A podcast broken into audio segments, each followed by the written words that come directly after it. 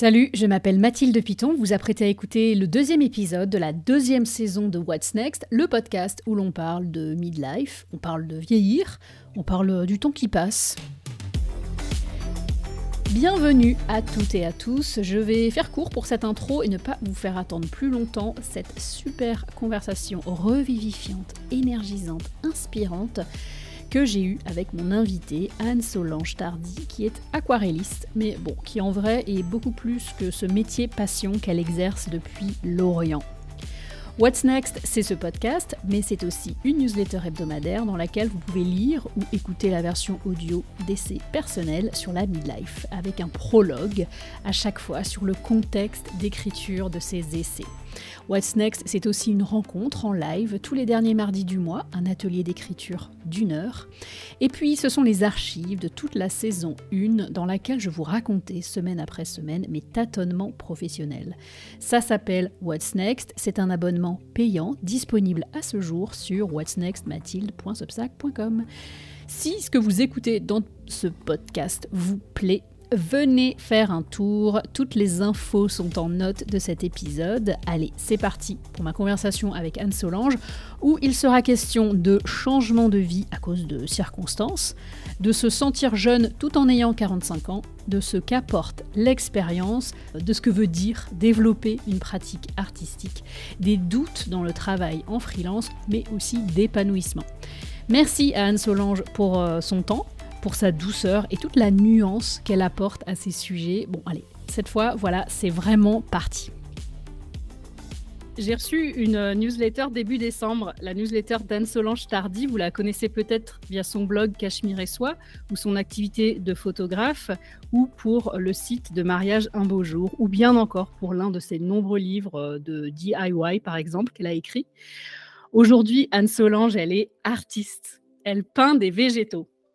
Mais revenons à la newsletter dans laquelle Anne Solange racontait avoir discuté avec une artiste en période de questionnement et qui éprouvait le besoin de provoquer de nouvelles rencontres afin de nourrir son projet. Elle est longue mon intro. En lisant les mots d'Anne Solange, Solange, je me suis dit, euh, j'avais moi aussi envie de lui parler, j'avais envie d'écouter son histoire, son histoire d'artiste botanique, son histoire de transition professionnelle, sa midlife, son milieu de vie, comme on dit. Et à la fin de cette newsletter, notamment, elle a dit quand on se sent un peu perdu sur la suite à donner à un projet, une carrière, ou même simplement à l'avenir de manière plus globale, engager la conversation me semble être un excellent premier pas. Je partage ce point de vue. Et ce matin, pour moi, à Boston, c'est l'après-midi en France, je suis contente de dire Hello Anne Solange, comment tu vas? Hello Mathilde, merci beaucoup pour ton invitation. Ça va, ça va bien, ça va très bien. Je vais rentrer directement dans le vif de mon sujet et je vais te demander quel âge tu as et comment tu te sens par rapport à cet âge? J'ai fêté mes 45 ans il y a quelques semaines, il y a pile un mois. Et euh, comment je me sens par rapport à cet âge? Eh bien, je dois dire que je suis entrée dans la phase de ma vie où euh, je comprends ce que voulaient dire mes parents et même mes grands-parents quand j'étais enfant et qui disaient que eux, ils n'avaient pas du tout l'impression d'avoir l'âge qu'on leur donne et que c'est vraiment dans le regard des autres qui se sentent vieillir qu'eux, ils ont toujours l'impression d'être jeunes, mais qu'en en fait, c'est plutôt bah, les gens plus jeunes qui, poussent, qui poussent un peu en dehors de la jeunesse, en fait. Par exemple, j'ai un exemple vraiment récent, ça date de cet été, je suis allée faire un, un petit contrôle de routine chez mon médecin traitant. En fait, j'ai déménagé il n'y a pas très longtemps, donc j'avais besoin de trouver un nouveau médecin traitant. Donc, je n'avais pas de raison médicale d'aller, mais je suis allée pour essayer de trouver un nouveau médecin traitant. Je vais le voir, il est hyper jeune. Le mec, il doit avoir, je sais pas, enfin, tout jeune médecin, avec la petite arrogance de la jeunesse. Et puis, on commence à aborder. Juste, je voulais faire un point avec lui, donc je lui pose notamment les questions liées bah, à tout le suivi gynéco, sachant que j'arrive en Bretagne, qui a un désert médical, bah, voilà, je commence à lui, poser ces questions-là, aborder aussi les questions, bien sûr, euh, bah, de est-ce qu'il y a des suivis particuliers en lien avec, euh, avec la, périménopause, qui est un truc qui commence euh, tranquillement à, m'arriver. D'autant plus que mon médecin m'avait dit que je serais probablement, pour plein de raisons, ménopausée avant tout le monde. Donc, voilà, c'était des sujets. Et le mec me répond Non, mais vous êtes encore très jeune, vous savez, madame. Et je me souviens m'être dit ah, c'est marrant, je me suis jamais sentie aussi vieille que le jour où ce mec me dit Vous êtes encore très jeune. Parce que moi, en fait, je me sens effectivement encore très jeune, mais que quelqu'un viennent me dire que je suis encore très jeune, ça laisse un peu entendre que je suis plus si jeune que ça. Mais voilà. Et du coup, c'est un petit peu comme ça que je ressens mes 45 ans, c'est-à-dire moi, dans, dans, dans, ma manière de, me sentir intérieurement, euh, j'ai l'impression que je pourrais encore euh, me dire, bah, j'ai 30 ans, quoi. Enfin, vraiment, euh, je, me sens, notamment professionnellement, vraiment dans, la fleur de, de, ma vie. Donc, je ne me sens pas du tout sur le deuxième côté de la, de la, montagne, si on peut dire. Je n'ai pas cette impression. Par contre, dans les yeux des gens plus jeunes que moi, là, je le vois vraiment. Je vois vraiment que eux me font sentir de toutes les façons possibles que je n'appartiens pas à leur groupe. Mais Donc, voilà. Moi, j'ai jamais vraiment entendu mes parents me, disent, me dire on, se sent, on se sent plus jeune que l'âge qu'on est, mais je me souviens avoir eu une collègue quand j'ai démarré à travailler chez Larousse, j'avais à Paris, j'avais 25-26 ans et j'avais des collègues beaucoup plus âgés. Et en fait, elle, je me souviens notamment d'une avec qui je m'entendais hyper bien. Elle me disait toujours, mais moi, j'ai l'impression d'avoir 30 ans, j'ai l'impression d'avoir 30 ans. Et dans ma tête, je me dis, mais elle voit pas qu'elle a, je sais pas, elle a 50 ans, 60 ans. Mais je la trouvais, je, sortais avec elle. C'est quelqu'un que j'appréciais beaucoup, mais je comprenais pas qu'elle dise ça. Je me disais, elle, est dans le déni. Mais... Bah, c'est exactement ça. C'est exactement ce que tu décris, tu vois. Et maintenant, bah, je, je, je vois ce qu'il voulait dire, quoi. On va y revenir plus en détail, mais tu l'as déjà mentionné, donc tu as déménagé récemment dans une nouvelle région, en Bretagne. Tu as changé d'activité professionnelle aussi, ça aussi on va en parler. Est-ce que tu penses que tous ces changements ont un lien avec l'âge? Puisque que c'est mon sujet, j'ai vraiment absolument envie de savoir si ça a un impact, mais en fait, est-ce que ces changements, ils sont intervenus à un moment de ta vie autour des 40 ans ou autour des 35 ans en te disant euh, ouais, je fais le bilan et puis en fait, je veux changer d'orientation. Ou c'est fait de façon beaucoup plus, ça n'a pas de lien avec l'âge et c'est plus fluide.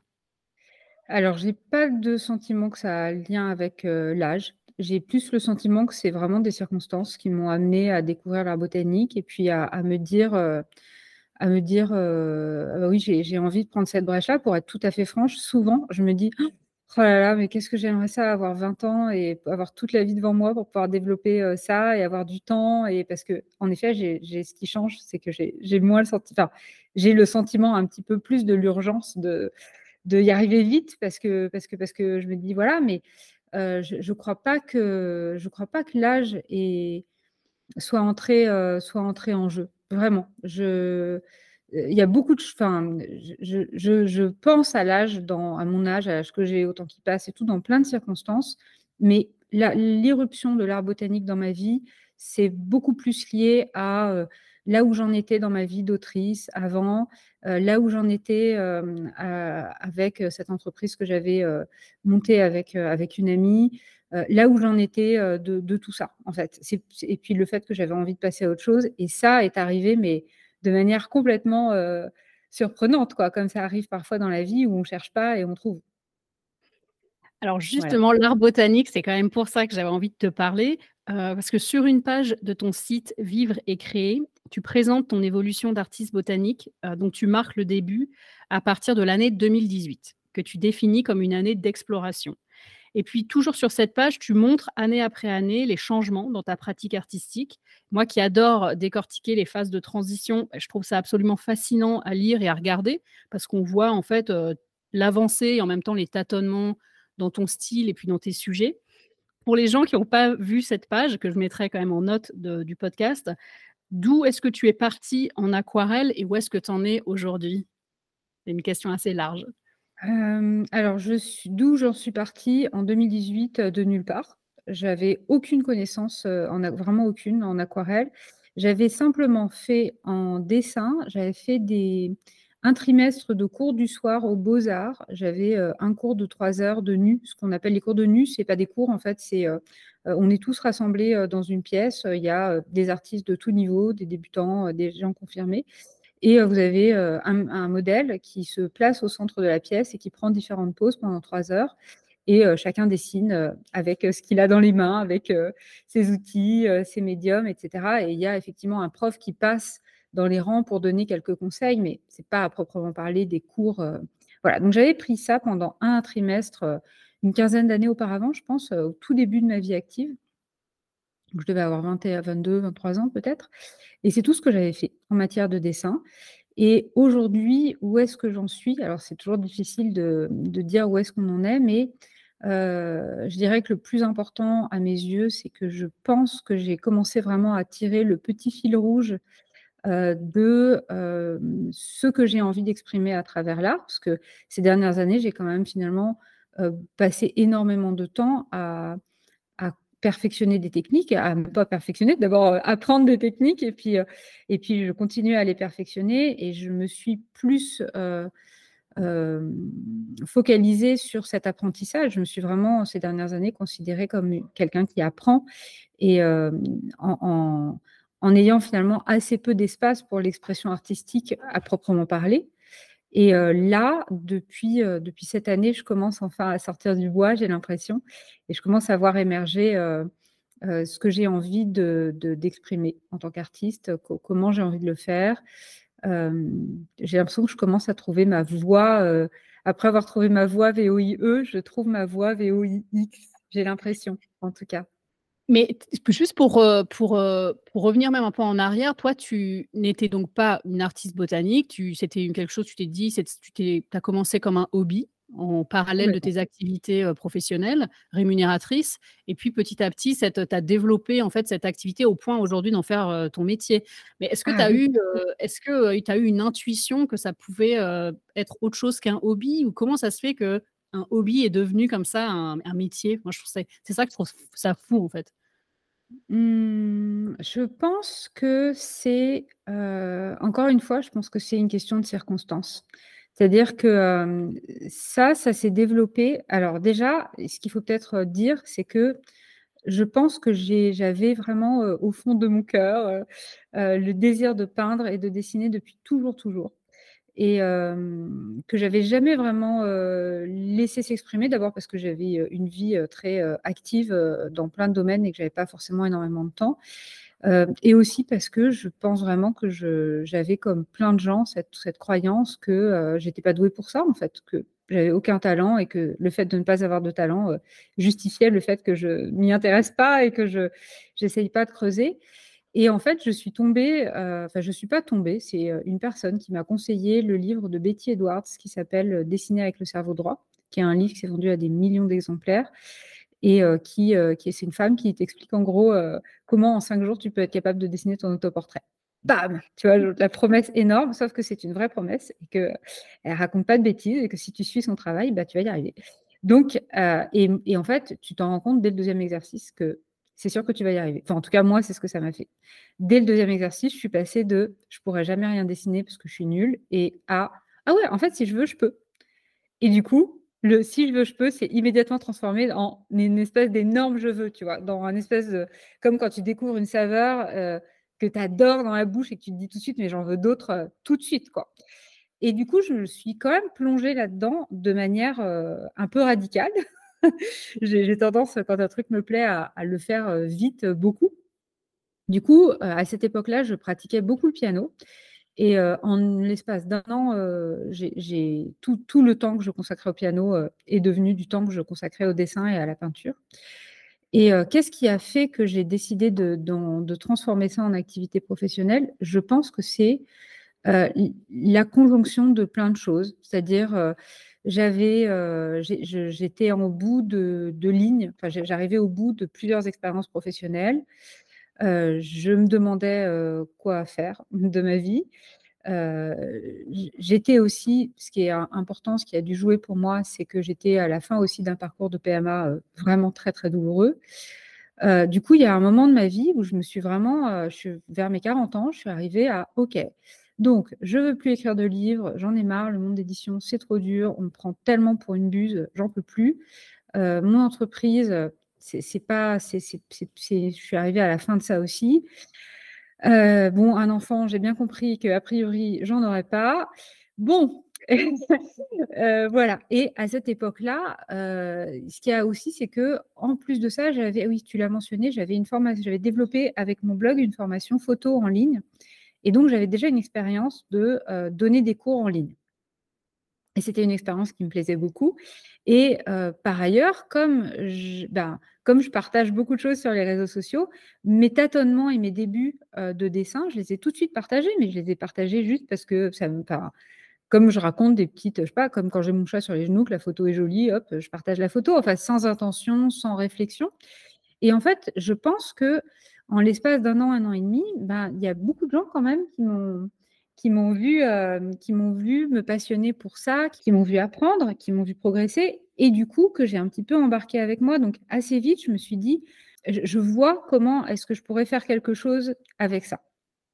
Et euh, euh, faire quelque chose avec ça, ça voulait dire avoir l'opportunité de bah, passer plus de temps à peindre et donc de progresser davantage. Et honnêtement, l'idée de partager avec d'autres personnes qui me suivaient et pour beaucoup qui avaient les mêmes interrogations que moi en matière de euh, dessiner, c'est trop compliqué, j'aimerais le faire, mais j'y arriverai jamais, et de leur montrer, bah, parce que simplement je partageais avec eux euh, ce que je faisais, euh, ce que je faisais, de leur montrer que c'était complètement possible. Je pense qu'il y a il y, a, il, y a, plusieurs personnes qui se sont dit, OK, moi aussi, j'ai envie d'apprendre avec toi, tu vois. Et c'est comme ça que ça s'est lancé. Mais en réalité, c'est vraiment une suite de circonstances. Je ne sais pas si j'arrive bien à articuler les différentes choses, mais tu vois, il y a cette suite d'événements qui ont fait que je me suis dit, oui, c'est possible de tenter ça. En fait, est-ce que si je le reformule en disant à mesure de ton exploration et de ton apprentissage et de ton perfectionnement, comme il y a cette gradation, tu t'es, tu t'es dit, parce que tu avais aussi l'expérience de travailler en freelance et d'avoir une société, tu t'es dit, mais en fait, ça, ça peut aussi devenir, ce hobby passionnant peut aussi devenir une activité potentiellement rémunératrice. Bah, en, vendant, en, vendant, tes aquarelles et en faisant des ateliers ou c'était plutôt non c'était plutôt l'idée de, de, toi aussi de devenir euh, enseignante Alors dans un premier temps je me suis dit euh, bah déjà j'ai, je pense que une des choses que permet l'expérience enfin que me permet l'expérience par rapport à quand j'étais plus jeune euh, c'est que j'arrive plus plus facilement aujourd'hui à voir un peu plus loin et à être capable de découper un projet sur plusieurs années euh, plutôt que sur plusieurs mois, par exemple. Et du coup, assez vite, je me suis dit, bon, bah voilà, moi, j'ai vraiment envie de consacrer du temps à ça. Euh, je vois bien que euh, je ne vais pas devenir une bonne aquarelliste, en tout cas une aquarelliste comme moi je veux devenir. Je vais pas, ça ne va pas arriver en deux ans, ni en cinq, ni même en dix. Donc, il faut que pendant tout ce temps-là, je trouve quoi faire de ma vie et que je trouve comment me permettre d'aller d'y aller. Tu vois, il faut que je trouve comment me, me permettre bah, je sais que c'est un apprentissage très long et ça peut pas venir, euh, je ne peux pas accélérer ça. Et donc, bah, j'ai essayé de chercher comment est-ce que je peux faire pour commencer cette, enfin, pour avoir du temps pour développer cet apprentissage. Et immédiatement, j'ai pensé à la formation. Je me suis dit, certes, je ne suis pas encore confirmée dans mes connaissances. Par contre, ce que j'ai pour moi, c'est, bah, tu sais, ce que tu apprends quand tu es débutant toi-même et les leviers que tu, débloques, tu vois. Donc, pour les personnes très débutantes, je me suis dit, je sais que je peux transmettre les bases à des gens euh, encore plus débutants que moi. Donc, c'est par ça qu'il faut que je commence. Et puis ensuite, je me suis dit, vendre mes aquarelles, bah, de toute façon, pour l'instant, moi-même, je ne me sens pas encore euh, euh, tu vois, j'ai, comme je te disais tout à l'heure, j'ai pas encore développé de démarche artistique vraiment. J'ai, j'ai pas tout ça. Ça, c'est pas à l'ordre du jour. Donc, tu vois, je me suis d'emblée dit, on va commencer par euh, donner des cours. Et puis, euh, bon, en laissant aussi une place à l'inconnu, tu vois, en me disant, bah, de toute façon, si ça suffit pas, si ça marche pas, on trouvera des, on trouvera d'autres solutions. Mais première, première étape, c'est ça.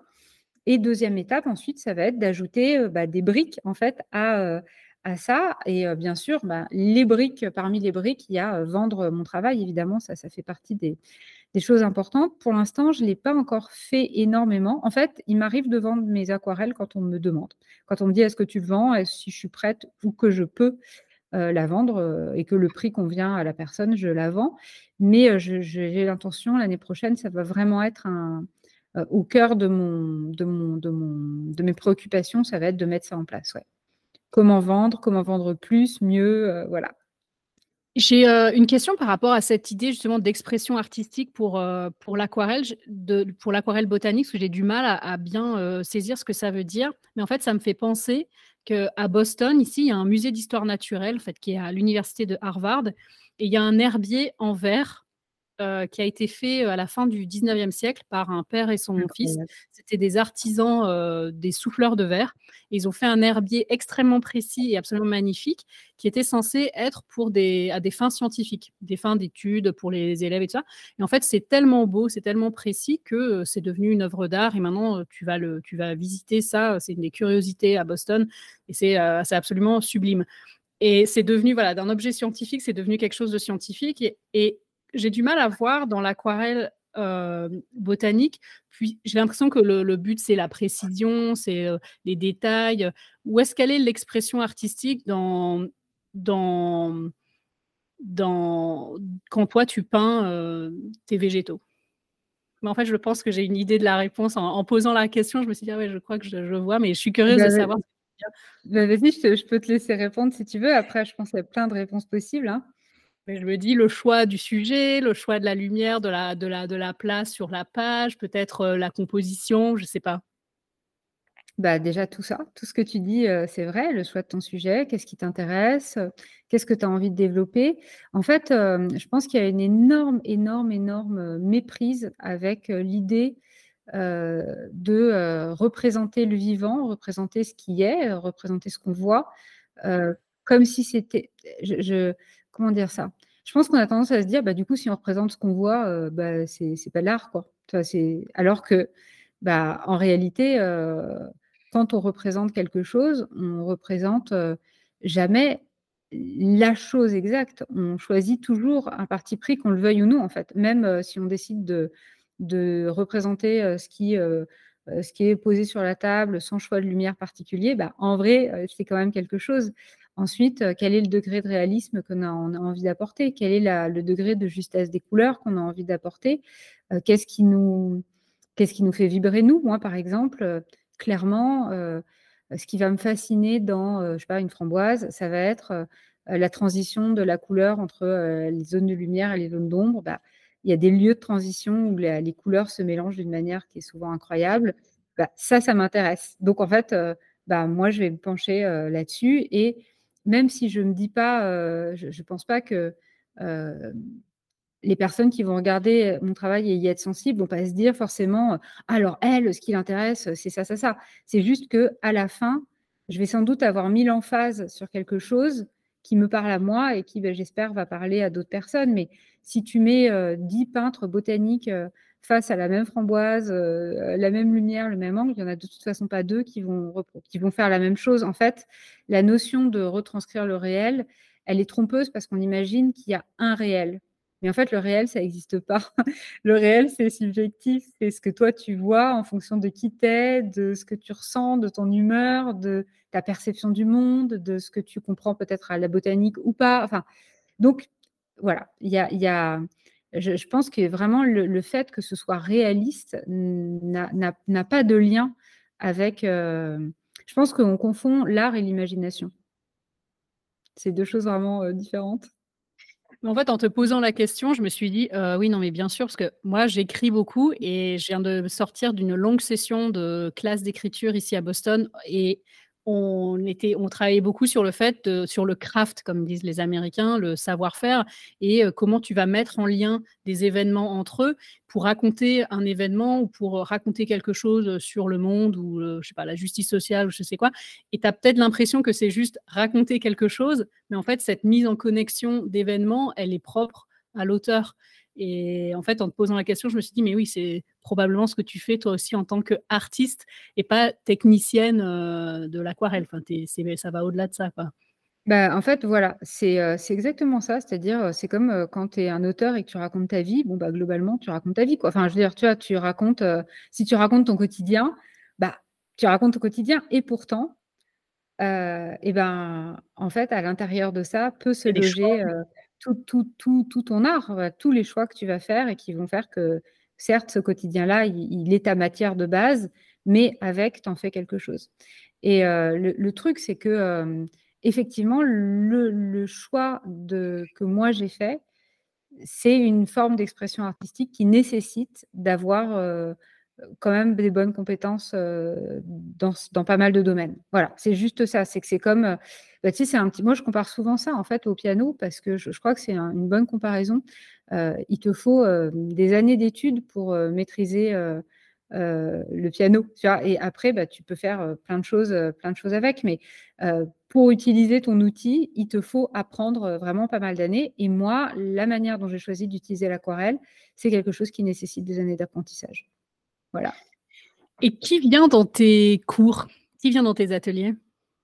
Ah, C'est génial parce qu'il y a vraiment toutes sortes de personnes. Il y a, euh, euh, parce que l'exemple que je peux te donner tout de suite, c'est euh, c'est pas dans mes ateliers, mais c'est parce que ça aurait pu être tout à fait dans le cadre d'un atelier. C'est juste que j'ai moins de temps de, mémoriser chaque atelier. Mais je me souviens, cet été, j'ai donné un stage d'aquarelle botanique. On était huit femmes, neuf avec moi. Euh, il y avait euh, la plus jeune, elle s'appelait Juliette, elle avait 12 ans. Euh, au départ, moi, j'enseigne j'ai une préférence pour enseigner aux adultes. J'ai pas vraiment de compétences pour enseigner aux enfants. Et euh, enfin, j'ai pas développé de pédagogie spécifique pour ça. Et en plus, j'ai pas envie de de faire autre chose qu'enseigner. Je n'ai pas envie de faire de la discipline, des trucs comme ça. Donc, je dis toujours aux parents, bah, si votre enfant il est capable de tenir 3 heures, 4 euh, heures à peindre en étant silencieux et en posant des questions comme, comme voilà, de manière euh, sage, euh, bah, oui, il n'y a pas de problème. Et sinon, non. Et, et, cette, et, souvent, hein, les enfants, il y a beaucoup d'enfants qui, qui, sont tout à fait capables de ça et qui sont toujours étonnants d'ailleurs. Donc, il y avait Juliette qui avait 12 ans, sa maman, qui au départ était celle qui était venue pour le stage et qui avait réussi à, dont, la fille avait réussi à la convaincre de l'emmener dans ses bagages. Et puis il y avait à l'autre bout euh, du spectre de l'âge, il y avait euh, Cécile qui, alors je connaissais pas, euh, je connais pas l'âge qu'elle avait, mais elle a eu cinq enfants qui étaient tous partis du nid, donc ça donne une idée de, un petit peu de son âge. Et entre ça, bah, il y avait absolument les, tous les âges, toutes les, toutes les générations. Et ça, représente assez bien en fait les élèves qui viennent dans mon cours. Il y a des enfants qui, à partir de 10-12 ans, qui ont, une fascination pour le dessin et souvent qui sont accompagnés de leurs parents. Donc c'est voilà, c'est un truc qu'ils font ensemble. Et jusqu'à hier, j'ai discuté avec une de mes élèves qui a 78 ans. Donc voilà. Mais c'est des gens qui, débutent complètement en aquarelle ou qui peuvent déjà avoir fait un peu d'aquarelle? C'est de quel niveau ces personnes? Alors souvent, c'est des débutants, parce que aussi moi, je vends mes cours comme étant, destinés à des débutants, mais c'est un petit peu de moins en moins vrai parce que, bah, déjà, dans l'offre que je propose, il y a, des projets qui sont de plus en plus avancés, parfois, donc on peut maintenant avoir déjà une petite expérience de l'aquarelle et venir. Et l'autre chose, c'est que tu as aussi des personnes qui connaissent d'autres styles d'aquarelle euh, typiquement euh, l'aquarelle plus figurative, ces choses-là. Et c'est des techniques qui sont complètement différentes. Donc parfois, il y a des gens qui ont déjà une expérience de l'aquarelle, mais qui ont envie euh, de comprendre les techniques d'aquarelle réaliste. Et du coup, bah, dans ce cas-là, je peux être une bonne porte d'entrée pour ça. Ça semble un monde euh, presque suranné, en fait, j'ai l'impression. Tu sais, comme quand tu regardes un documentaire sur un sujet euh, complètement niche, et puis euh, à la fin du documentaire, tu as l'impression évidemment d'être le spécialiste de ce sujet niche. Mais des fois, je me dis, cette aquarelle botanique, depuis que je regarde un peu plus ce que tu fais, j'ai l'impression d'entrer en fait dans un monde voilà, niche et en même temps un peu suranné. J'ai pas de questions par rapport à ça, c'est l'impression que ça me donne. Bah, en fait, sincèrement, c'est complètement ça. C'est un monde, qui, enfin, qui qui est qui est qui est suranné. Après voilà, tu vois, les élèves, je pense que je je pense qu'on a quand même tous un point commun de, être avec un thé euh, et se croire dans, son cottage anglais euh, avec son chat sur les genoux. Et je pense qu'il y a une culture un peu de ça qu'on partage beaucoup avec les élèves, je pense. Donc il y a quelque chose comme ça. Clairement, c'est un sujet de niche. Je ne m'attends pas à ce que l'art botanique devienne un truc populaire. C'est, Et d'ailleurs, ça me plaît plutôt comme idée de, de, que ce soit pas un truc qui devienne à la mode et puis qui disparaisse aussi vite que c'est que c'est venu.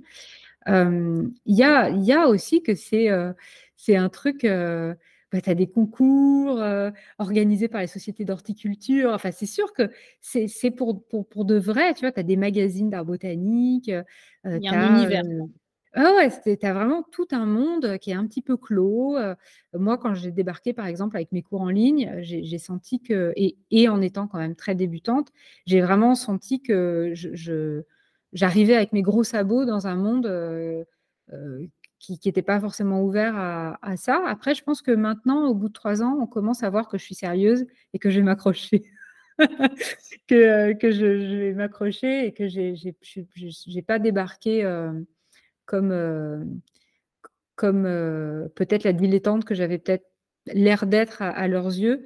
Je pense que maintenant, je, suis en train de montrer que, que moi aussi, je veux faire partie des meubles.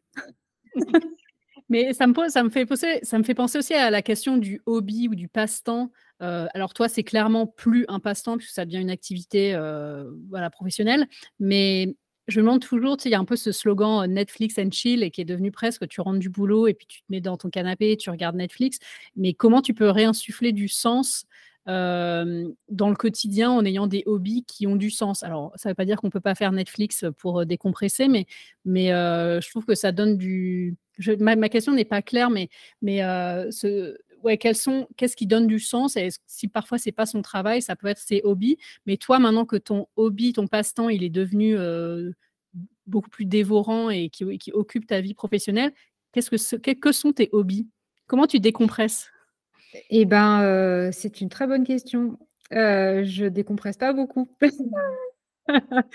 C'est ça, ma réponse, c'est que, je pour l'instant, je ne sais pas si ce sera toujours comme ça, mais là, quand même, aujourd'hui, dans ma vie, j'ai, donc je poursuis donc mon activité que j'ai donc lancée un peu comme un boulet de canon et qui se développe. Donc c'est très bien, ça, se développe bien. Mais tu vois, là j'ai développé les cours en ligne. Maintenant j'aimerais développer des stages. J'aimerais aussi donner des cours à Lorient où j'habite. J'aimerais donner des cours à l'année parce que j'aimerais trop ça pouvoir partager avec des élèves qui reviendraient tout le temps, avec qui on pourrait avoir des échanges plus profonds. Et puis aussi faire progresser. je veux lancer ma boutique en ligne où je vais vendre mes aquarelles originales. J'ai mon diplôme que j'ai pas fini de de faire, parce que je prépare un diplôme d'art botanique qui n'est pas reconnu du point de vue universitaire, mais qui est organisé par une société d'art botanique qui est très, très, très euh, réputée, très prestigieuse. Donc, euh, voilà. Et donc, je, prépare tout ça. Donc, autant te dire que euh, je n'ai pas de place pour autre chose, mais j'aspire à avoir de la place pour autre chose. Ça veut dire je ne veux pas du tout arriver en disant moi, je suis tellement passionnée que je fais que ça de ma vie. j'aspire à avoir de la place pour autre chose, mais pour l'instant, ben, je vois pas comment faire. Euh, je vois pas vraiment comment faire. En fait, tout ça m'occupe l'esprit H24. Euh, Donc, et puis le peu de temps qui me reste de disponible, je fais partie d'une association de protection animale où je suis famille d'accueil pour des petits chats. Et les petits chats qu'on accueille vivent, la plupart du temps, ne vivent pas avec nous dans la maison, mais vivent dans une pièce où ils sont isolés pour plein de raisons. Des fois, c'est des raisons sanitaires, des fois, c'est des raisons de santé, des raisons de quarantaine, etc. Donc, le temps que j'ai de disponible, bah, en fait, c'est je passe du temps avec les petits chats qui sont. Donc, je n'ai pas vraiment de hobby, sauf si on considère que être famille d'accueil, c'est un hobby, mais on peut parce que ça, c'est très gratifiant et ça apporte un petit peu de chaos dans notre vie, mais ça apporte aussi beaucoup de joie. Donc, voilà. Tu as mentionné que tu habitais à Lorient et tous ces changements professionnels de ces dernières années, ils se sont faits en même temps, si je ne me trompe pas, corrige-moi si je me trompe, en même temps qu'un déménagement donc en, Bretagne. Qu'est-ce que tu as trouvé dans cette, dans cette nouvelle région? Parce que tu, venais de la, tu vivais en région parisienne. Oui, exactement. Et en fait, alors on a, on a déménagé, on a atterri à Lorient. Nous, on cherchait plutôt la Bretagne parce que bah, tout simplement, euh, euh, on a beaucoup d'amis, de famille en Bretagne. Donc on s'imaginait, quand on a décidé de déménager, on s'imaginait vivre plutôt du côté de Rennes. Ça aurait été, au point de vue géographique, parfait pour nous. Et puis finalement, mon mari, de manière complètement incroyable, a, été, a reçu une proposition d'embauche, enfin de mutation dans une petite ville à côté de Lorient. Et c'est ça qui a orienté notre, notre départ et en fait, j'ai que des choses un peu clichés à dire, sur, notre, nouvelle vie, enfin qui est plus nouvelle maintenant, ça fait 2 ans et demi qu'on est là, sur notre vie en Bretagne. on vit dans une maison avec un grand jardin, avec nos chats, on a une vie calme, et c'est super chouette et on est très content. et à la fois, je dois dire que quand, j'ai des conversations euh, avec des personnes à qui je dis que euh, voilà, on est parti euh, après avoir vécu à Paris 20 ans en région parisienne. Fait un moment qu'on n'habitait plus Paris, mais après avoir vécu, on, vient, on est venu en Bretagne et que ça paraît être le Graal incroyable. Je, me sens quand même toujours j'adore vivre en Bretagne. Vraiment, j'adore vivre ici et j'ai pas envie de, je n'ai pas une once de regret. Mais par contre, je pense qu'on se trompe énormément quand on pense que toutes les solutions tiennent dans changer de départ parce qu'en fait, on reste nous-mêmes. quoi. C'est-à-dire, c'est vrai que c'est génial d'avoir une grande maison, c'est vrai que c'est génial d'avoir un jardin et je ne sous-estime pas du tout à quel point c'est génial. Mais on était heureux aussi à Fontenay-sous-Bois. Par exemple, les Lorientais, c'est drôle parce que quand je dis, quand je dis qu'on arrive de Fontenay-sous-Bois, j'ai vraiment l'impression de, dire qu'on arrive de la banlieue horrible. Et ce qui est marrant, c'est que en fait, Fontenay-sous-Bois où j'habitais et Lorient sont des villes qui se ressemblent beaucoup, même du point de vue architectural, parce que Lorient a été rasé pendant la guerre. Et je pense que Fontenay-sous-Bois a dû se développer à peu près à cette époque, c'était de la campagne et ça s'est développé. Donc en fait, l'architecture est à peu près la même. La ville s'organise quand même autour de pas mal de choses communes et on avait une vie qui était proche. C'est juste qu'on habitait dans un appartement et pas dans une grande maison, mais on avait une vie qui était proche. Et c'est assez drôle de voir à quel point on imagine que, que notre vie va être si différente que nous-mêmes, on va devenir différents. Alors qu'en fait, bah, nous-mêmes, on reste nous-mêmes. Donc, tout ce qu'on était avant, bah, on est toujours cette personne. Donc, si on était, je sais pas, moi, par exemple, je suis assez sujette à l'anxiété, bah, j'étais anxieuse à Paris, je suis toujours anxieuse à Lorient. Mais j'adore vivre en Bretagne. Je pense qu'il y a beaucoup de projections sur la vie en ville, la vie à la campagne. Moi, je suis encore très attachée à la vie en ville, malgré la pandémie, malgré le fait qu'on n'a pas, voilà, on n'a pas de jardin, mais j'apprécie les parcs de la ville. Mais c'est vrai que je suis pas encore prête à franchir le cap, mais je suis toujours curieuse d'entendre les gens qui, qui ont fait ça. Et du coup, je projette moi aussi le, le fantasme de la vie dans une maison avec des chats et un jardin. après, c'est vrai que ça change quand même. Hein. C'est vrai quand même que ça fait une vie quand même différente. Quoi. moi, il y, a des, il y a des aspects de Paris qui me, qui me manquent quand même beaucoup. En fait, je me suis découvert, je pense comme beaucoup de gens, ça veut dire je me suis découvert beaucoup plus parisienne que je ne pensais l'être en, arrivant, en arrivant en Bretagne. Mais bon, bah, c'est normal, j'ai vécu 20 ans. je suis, bah, voilà, avant je me disais mi-bretonne, mi-normande, bah, maintenant je me sens mi-bretonne, mi-normande, mi-parisienne, même si ça ne fait pas un compte juste tu as un atelier à toi dans ta maison? Et on a beaucoup entendu parler ces dernières années de l'essai féministe de Virginia Woolf sur le fait d'avoir une pièce à soi. À quel point ça s'est avéré juste pour toi, le fait que c'est bien d'avoir une pièce à soi? Alors, avant de dire ce que je vais dire, je, suis je, soutiens et je comprends très bien la phrase de Virginia Woolf. En ce qui me concerne, je pense que c'est surtout la qualité de vie de mon mari qui a changé parce qu'il n'y a plus tout mon bazar toute la journée partout dans la maison, ce qui était le cas avant. Moi, j'apprécie énormément d'avoir mon, endroit, mais je ne me suis jamais sentie privée de mon endroit. C'est-à-dire que j'ai pendant, pendant, avant que j'ai mon bureau, j'avais j'avais toutes mes journées. David, mon mari, travaillait dans une entreprise, donc j'étais à la maison toute seule toute la journée. Donc c'était ma chambre à moi. Enfin, tu vois, l'appartement était ma chambre à moi. Donc j'ai toujours connu, au fond, un espace qui, me semblait m'appartenir en propre et qui était ce lieu euh, où je pouvais être en moi-même euh, entièrement, sans distraction et sans être euh, dérangée et sans me sentir voilà. Donc moi finalement j'ai toujours expérimenté ça. J'adore avoir mon bureau aujourd'hui, mais ça n'a pas transformé les choses pour moi. Ce qu'il y a, c'est que ce que ça change, c'est plus au point de vue symbolique où ça incarne un lieu, un lieu de retraite un petit peu et où je peux fermer la porte. Mais moi, j'ai juste à fermer la porte à mes chats. Hein. Enfin, tu vois, j'ai, on vit avec mon mari, on se respecte énormément l'un l'autre, on fait très attention à, à, essayer de permettre à chacun d'avoir sa place. Donc, nous, voilà, moi, j'ai la chance de vivre avec un, mari féministe. Donc, donc j'ai, peut-être, je pense que lui-même fait attention, a toujours fait attention à ce que, que j'ai de la place, à ce que j'ai ma place. Donc, voilà. Tu disais dans ta newsletter du 5 janvier 2023, je suis allée lire un peu dans tout ce que tu avais écrit, tu disais que l'aquarelle botanique, c'était ta dernière vie. tu avais déjà eu plusieurs vies professionnelles, tu as longtemps été autrice, je l'ai dit, en hein, différents médias, les livres, les blogs. Est-ce que c'est ça la midlife, le fait d'être dans la quarantaine? Est-ce que c'est cette assurance ou ce sens d'être installé dans la vie?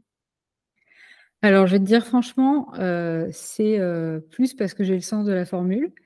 avoir écrit 20 ans avant, ça me donne, la capacité de faire un peu des petites punchlines comme ça dont on se souvient Mais moi, j'ai vu ça, je me suis tout de suite j'ai cliqué, je me suis dit: «Dernière vie?» qu'est-ce que enfin, je voulais savoir, Eh quoi. ben oui et mais je dirais que c'est plus mon vœu, en fait. Je bah, tu vois, quand j'ai écouté, les épisodes, de ton podcast que j'ai découvert, après que tu m'aies contacté, hein, donc j'ai écouté plusieurs épisodes. Il y a plusieurs de tes invités l'année dernière qui t'ont dit, à la question, «Comment est-ce que tu définirais ton travail? comment est-ce que tu définirais ton activité?» et elles enfin, il y en a beaucoup d'entre elles qui disent: «Oh là là, bah, je sais pas du tout» et puis qui développaient le fait qu'elles avaient plein, plein d'activités différentes et que ça changeait tout le temps et moi, j'ai vécu un petit peu dans cette angoisse-là pendant des années quand on posait cette question, euh, j'avais 14 euh, 000 casquettes, je faisais 12 000 trucs, je savais jamais quoi dire quand on me demandait quel était mon métier. Euh, je disais toujours autrice, mais bon, ça ne recouvrait pas non plus la totalité de ce que je faisais. Et, et je pense qu'un de mes souhaits, ça a été de me dire, maintenant, je voudrais concentrer toute mon énergie dans une seule chose, que je pourrais déployer de plein de manières, mais dans une seule chose. Et je crois que quand je dis c'est ma dernière vie, c'est surtout que c'est mon souhait. Je voudrais vraiment que ce soit ma dernière vie. Évidemment, je, suis comme tout le monde, je suis pas non plus butée. Tu vois, je me dis, bah, on verra bien ce qui se passe dans ma vie. Et puis, la vie, c'est la vie, c'est mouvant, c'est malléable, il y a des imprévus, il y a tout ça. Donc, je suis pas ferme, fermement dressée comme ça sur mes ergots de c'est la dernière vie mais je souhaite que ce soit ma dernière vie. J'espère que la vie va me donner l'opportunité de développer quelque chose vraiment en profondeur. Moi, mon rêve, c'est de devenir euh, comme un maître zen euh, japonais. J'ai juste envie de devenir quelqu'un qui maîtrise son art autant que possible. Donc, bah, pour ça, il faut que ce soit. Il ne me reste plus tant de temps que ça. Donc, oui, c'est peut-être là où le temps intervient. Tu vois, c'est que je me dis, bah, certes, j'ai que 45 ans, ça reste, ça reste très jeune.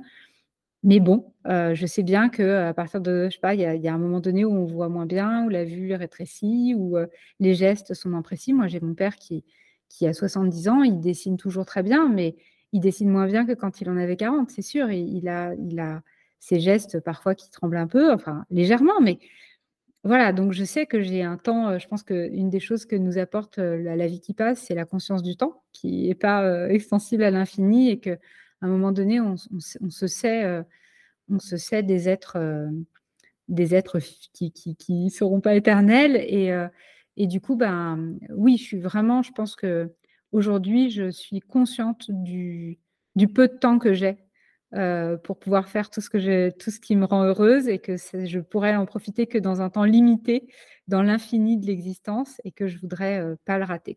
Ça, ça c'est vraiment ce que m'a apporté le, le, la conscience du temps qui passe. C'est un concept euh, qui te parle, la midlife, ou pas spécialement? Euh, ben, le, je pense que le sentiment que ça me donne, c'est d'être arrivé, tu sais, euh, de l'autre côté du versant de la montagne, quoi. C'est-à-dire où quand même, ben, en effet, je, j'ai des perceptions et je comprends la vie d'une manière qui est vraiment différente. Après, concernant l'art botanique, ce qui est hyper drôle, c'est que j'ai une mentor qui, m'accompagne dans, mon développement, qui m'aide. Et puis, euh, tout début de quand on, quand on a commencé à échanger, euh, une des questions que je lui ai dites, enfin, une des choses que je lui ai dites, c'est euh, Mais j'ai 45 ans, je, sens que j'ai tellement peu de temps, j'ai tellement peur de, de jamais pouvoir y arriver, que en fait, ce soit que je me sois lancée dans un truc fou et que ce soit idiot, quoi, que j'ai aucune chance d'y arriver, que je me sois lancée dans un projet fou. Puis bon, bah maintenant j'ai 45 ans, j'ai pas de plan B, quoi. Enfin, en vrai, ça y est, c'est parti, quoi. Et donc je lui raconte ça et elle explose de rire. Et elle me dit ah, mais elle, elle, a une soixantaine d'années, je pense. Elle a une fille, elle a, des petits-enfants déjà. Donc voilà, je pense qu'elle a une soixantaine d'années. Mais elle est toujours en activité, elle travaille énormément. Et, elle a explosé de rire. Elle me dit Ah, mais moi, quand on a commencé à me présenter comme une jeune artiste botanique, en, montante, j'avais passé, passé 50 ans. Donc, c'est cool. Ça m'a vraiment euh, fait du bien de l'entendre parce que je me suis dit, euh, OK, j'ai quand, même, quand même du temps. Mais, euh, mais c'est vrai qu'il y a, cette notion de, ben, même, je pense, je pense comme, comme, on se sent soi-même, moi, j'éprouve le fait que je suis dans une autre partie de ma vie, quoi. C'est vrai, en tant que femme, je veux dire, en tant que, en tant que femme, en tant que en tant que femme avec les spécificités, de la vie de femme, mais en tant que en tant que personne, en tant que la manière dont j'évolue dans le monde, mes relations avec les gens, peut-être aussi la manière dont je vois la jeunesse, donc l'air de rien, je te disais au début que c'est elle qui nous pousse un peu, à l'extérieur de la jeunesse, mais le fait de demander de les regarder comme un groupe, qui est plus tout à fait le mien, mais qui est un groupe à soutenir et à accompagner et à aider et comme, comme un peu ceux, qui ont le monde qui leur appartient désormais et mmh, bah, ça ça ça me fait voir, bah, le monde différemment, en fait. Sur cette notion de temps qui passe, ce que je trouve aussi ce que je trouve, particulier avec notre génération, c'est que nous, on a commencé à avoir internet dans notre enfin, ça existait déjà, heu, quand on était petit, mais, heu, on a toi, tu as commencé à écrire sur internet j'imagine dans ta vingtaine et tu as toutes ces traces sur internet, alors que la génération d'aujourd'hui, bah, même sans avant d'être née, on parle déjà d'eux et tout ça et toi, comment tu envisages cette, heu, cette trace de toi multi-layer avec beaucoup de de de couches sur internet? Ton blog Cachemire et Soie, il est plus alimenté, mais il est toujours les archives sont toujours, disponibles. On fait quoi de toutes les traces de Anne Solange Tardy sur internet? Je suis assez partagée avec ça, en fait. Il y a des moments où je me dis: «Oh, j'aimerais bien tout effacer» puis, heu, comme ça, il y a plus que, heu, la personne que je suis au plus près de maintenant, quoi. Essayer de rester dans un maintenant, en fait, dans, heu, voilà, de de de de pas avoir trop d'archives et puis il y a une autre part de moi qui me dit enfin, très honnêtement, par exemple, si je pense à Cachemire et Soie, la raison qui a fait que je l'ai pas supprimé, que je l'ai pas enlevé, c'est simplement parce qu'il il était, hors service pendant quelques mois, heu, là, il y a je l'ai laissé plusieurs mois hors service, je m'en suis pas occupée et en fait, il y a plusieurs personnes qui m'ont envoyé des messages en me disant: «Oh, je cherche tel billet, heu, et là, je vois que ton blog marche plus et je le retrouve pas, mais je je me souviens que tu avais écrit ça et je voulais le partager à quelqu'un». Donc en vrai, moi moi honnêtement, j'aurais aucun scrupule à tout effacer, ça me pose mais alors aucun problème. Heu, les laisser ne me dérange pas non plus et du coup, bah, comme il y a ces gens qui ont m'ont généreusement fait la demande, heu je dis généreusement parce que c'est très généreux de se souvenir, heu, de soi. Enfin, tu vois, qu'il y ait des gens pour se souvenir de ce que j'ai écrit il y a des années, bah, je trouve ça très généreux et je me dis: «Bah, je vois pas de raison de les» Enfin, tu vois, les trucs insignifiants, heu, qui intéressent personne, bah, de toute façon, ils disparaissent d'eux-mêmes. Heu et puis, bah, si s'il y a des personnes, voilà, qui ont envie d'aller rejeter un œil, bah, ma foi, heu, voilà. J'ai 2 questions pour terminer, Anne-Solange. Est-ce que tu as sur ta to-do list existentielle, est-ce qu'il y a un rêve que tu souhaites accomplir dans les prochaines années et que tu n'as pas encore mis en route? Ça peut être un super voyage, quelque chose en lien avec ton métier, un accomplissement personnel. Est-ce qu'il y a un quelque chose, ouais, une sorte de rêve dans les années à venir que tu voudrais vraiment accomplir? Heu, très honnêtement, c'est tout lié, heu, à l'art botanique. C'est difficile de définir un rêve précis, mais parmi, les choses, d'accomplissement, il y a des moi, en fait, en vrai, ce dont je rêverais vraiment, c'est de développer une notoriété suffisante pour être un petit peu moins stressée. Heu, d'être un peu moins stressée de, heu: «Est-ce que je vais y arriver? Est-ce que je vais continuer à y arriver? Est-ce que ça va toujours bien marcher?» tout ça, ça c'est mon vrai rêve. Mais si je dis des choses, plus pragmatiques, bah, ce serait par exemple, heu, ce sera le jour où, où le jour lointain probablement, où j'aurai, une exposition, qui me sera consacrée, dans un bel endroit, prestigieux. Voilà, c'est dit. Comme ça, on peut se retrouver dans 20 ans et voir si ça a été, fait. Mais ce serait ça, ouais. Mais ouais, mais ça, c'est génial. J'ai l'impression que tu es quand même c'est facile à dire d'extérieur, mais c'est vrai qu'on a d'extérieur, moi je me dis: «Mais oui, tu es sur la voie de ça, quoi». Mais j'imagine que quand on le vit, on se dit, heu, on voit plus les embûches que les que la voie toute tracée. Bah, c'est ça. C'est-à-dire que ce qui bah, tu vois, tu parlais tout à l'heure de ma page, heu, 2000 de qui a commencé en 2018, cette page où je raconte en fait par par an, je raconte en 8 vignettes, heu, 8 moments marquants de chaque année de mon développement, professionnel et heu et hem et du coup, j'ai perdu ce que je voulais dire. Mais oui, tu vois, quand tu regardes ça, même à moi-même, ça me donne le sentiment que ça que ça a du sens et que c'est pas, heu et que c'est presque linéaire et qu'on se dit, ah bah oui, elle est sur une petite route pépère et ça avance tranquillement et tout marche bien. en réalité, moi, je, trouve que je trouve que c'est vraiment dur d'être à son compte, quoi. Vraiment, je trouve qu'on expérimente des hauts et des bas avec lesquels j'ai beaucoup, beaucoup de mal toujours. Hein, ça fait 20 ans que je suis à mon compte, mais je, suis toujours angoissée par les moments creux. Je me demande toujours comment la suite va se faire.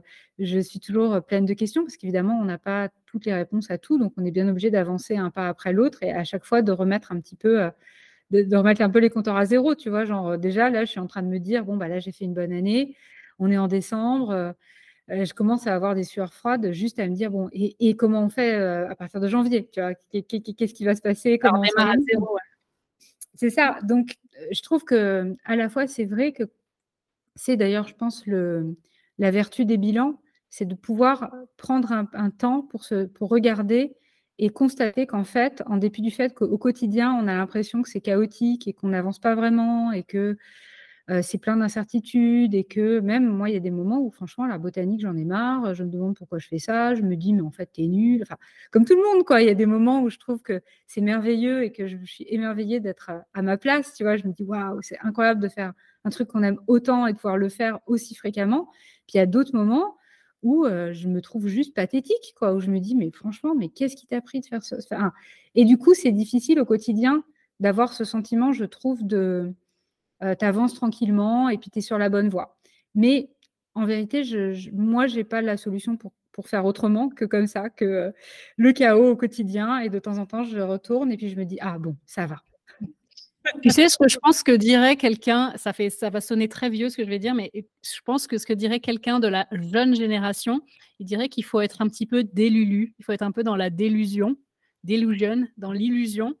Euh, en fait, ce mot à, la mode aux États-Unis d'être déloulou, c'est d'avoir une espèce de surconfiance en soi, même si tu as l'air un peu ridicule et même si tu penses que tu es pathétique et tout ça. Mais en fait, tu as tellement confiance en toi que tu as cette énergie de, de, réussite et de, voilà, et de confiance. Et puis, euh, et puis, tu te mets un peu des œillères et tu avances. Mais je suis d'accord qu'au quotidien, c'est quand tu es à ton compte et que tu as plein de questionnements et que tu es anxieux, ça, ça n'aide pas moi, quand même, cette page dont, tu, on a beaucoup parlé, euh, qui, parle de ton parcours, j'ai l'impression qu'on voit quand même les tâtonnements. Enfin, tu, vas, tu, as montré des choses de. Je pose des, des, moments où tu vas dire, je ne sais même pas de quoi je vais parler. en tout cas, on voit les tâtonnements, mais c'est sûr que dans l'exercice euh, du bilan et dans l'exercice de poser euh, un certain nombre de photos, huit photos à la fin de l'année, ben, il y a quand même une, il y a une, il y a une flèche vers le haut qui se dessine, une évolution qui se dessine. Quoi. Mais euh, au quotidien, c'est pas comme ça qu'on le ressent, hein, j'imagine. Ben non, c'est, vraiment ça. Après, c'est vrai aussi que cette page-là, elle est, euh, elle est, elle est, elle est, je la fais pour mon plaisir aussi, hein, bien sûr, je la fais pas que euh, avec des intentions narratives, mais c'est vrai que c'est important pour moi aussi de, de partager ce côté haut et bas parce que parce que je, trouve que, notamment, on ne va pas parler des réseaux sociaux, mais je, trouve qu'on vit quand même dans un monde qui essaye de promouvoir une forme de réussite linéaire et éclatante et euh, qui est absolument fausse. Et euh, pour moi, c'est important d'essayer de rappeler la réalité. En fait, il ne s'agit pas de, euh, de, je ne veux pas non plus dire que c'est, moi vraiment, j'ai une vie que, je, je, mène une vie qui est au-delà de tout ce que j'avais imaginé, que j'adore ma vie, je l'aime vraiment. Mais par contre, je ne veux pas passer sous silence que tout en ayant ce quotidien que j'ai choisi et que je nourris et euh, pour lequel je nourris de grands espoirs et je me donne, je pense, les moyens d'essayer de, les réaliser. Mais par contre, ça ne se fait pas sans des moments euh, pas terribles. Quoi. Et c'est important pour moi de le dire parce que, parce que j'ai le sentiment que pour beaucoup euh, de gens, c'est vraiment un énorme frein, en fait, le fait que, que d'expérimenter ce sentiment de chaos, euh, c'est vécu comme un sentiment d'échec, alors qu'en fait, ça ne l'est pas. C'est n'est pas du tout de l'échec, c'est juste que bah, c'est la vie. c'est la vie quand on est à son compte et qu'on est tout seul et qu'il n'y a personne pour vous dire ce qu'il faut faire et que vous ne savez pas quoi faire, que vous, vous êtes euh, euh, expert dans un domaine, mais pas du tout dans tous les autres qui sont nécessaires à l'exercice de la vie de freelance, comme je sais pas, le marketing, euh, la comptabilité, euh, toutes ces choses-là, et qu'en fait, euh, moi, la technique de mon, bleu, mon site, qui est une espèce de machine de guerre que j'ai fabriquée moi-même et qui, me demande des, nuits entières d'arrachage de cheveux parfois, parce que bah, c'est très technique et c'est pas forcément mon domaine de prédilection, mais je pense que ça, c'est vraiment la vie quand on est à son compte. Et ben, elle est faite de tout ça et il faut juste en être conscient, quoi. Pour finir, tu dirais que tu es dans quelle ère de ta vie? C'est une question un peu Taylor Swift, même si je n'écoute pas Taylor Swift, mais elle a sorti son, son gros concert mondial qui dit euh, les, les, les eras de Taylor Swift. Et je me suis dit, ah, c'est une bonne question. Dans quelle ère de ta vie tu ah, tu, tu, tu t'imagines, il faudrait que je donne genre un mot-clé pour euh, dire euh, cette, Comme tu veux, pourquoi pas, ouais. Alors, si j'ai un mot-clé, je suis désolée, je vais dire le truc le plus cliché possible. C'est épanouissement. Épanouissement. Bah, j'aime, C'est c'est vraiment, c'est vraiment ce que je ressens de cette époque. C'est, j'ai l'impression que je me sens je me sens épanouie et je me sens en plein épanouissement à la fois, ce qui est quand même assez sympa. Anne Solange, où est-ce qu'on peut te retrouver sur internet? On peut me retrouver eh bien, sur mon site qui s'appelle vivre-et-créer.fr et on peut me retrouver sur Instagram où j'ai toutes sortes de comptes. Euh, j'ai mon compte principal qui est euh, anne-solange.tardy. C'est voilà, j'ai le compte de Vivre et Créer où je donne euh, mes cours. Du coup, on peut trouver bah, du contenu un petit peu plus orienté vraiment aquarelle botanique et qui parle un petit peu plus de technique ou voilà, de manière de dessiner. Et puis sinon, il y a mon compte euh, il y a mon compte euh, dédié à ma vie de famille d'accueil qui s'appelle Pension Tardy. Et j'en parle parce que si parmi tes lecteurs, il y a des personnes euh, près de l'Orient qui ont envie d'adopter de merveilleux petits chats dont on prend beaucoup soin le temps qu'ils trouvent une famille, et eh ben, sait-on jamais. L'appel est lancé. Merci beaucoup Anne-Solange. bah, merci à toi, merci beaucoup. Et voilà, merci Anne-Solange Tardy d'avoir pris le temps de répondre à mes questions. Merci à vous de m'avoir écouté. Si ça vous a plu, je vous donne rendez-vous sur Substack pour découvrir le cœur du projet What's Next, à savoir la newsletter hebdomadaire. La semaine dernière, on parlait du corps. Cette semaine, je vous donne une foule de recommandations de lecture. En fait, au moment où je finis cet enregistrement, je ne suis pas encore bien sûre de mon article de la semaine. C'est la beauté de la dernière minute, malgré euh, mes listes, mes tableaux, euh, toutes mes envies, tous les trucs que je prépare à l'avance. Bah, il y a encore un peu d'impro et de dernière minute. Le lien pour vous abonner à la newsletter est en note de ce podcast. Et si vous avez aimé ce podcast, eh bien, likez-le, partagez-le, parlez-en autour de vous. Euh, voilà, eh bien, c'est tout pour cette semaine. À très bientôt.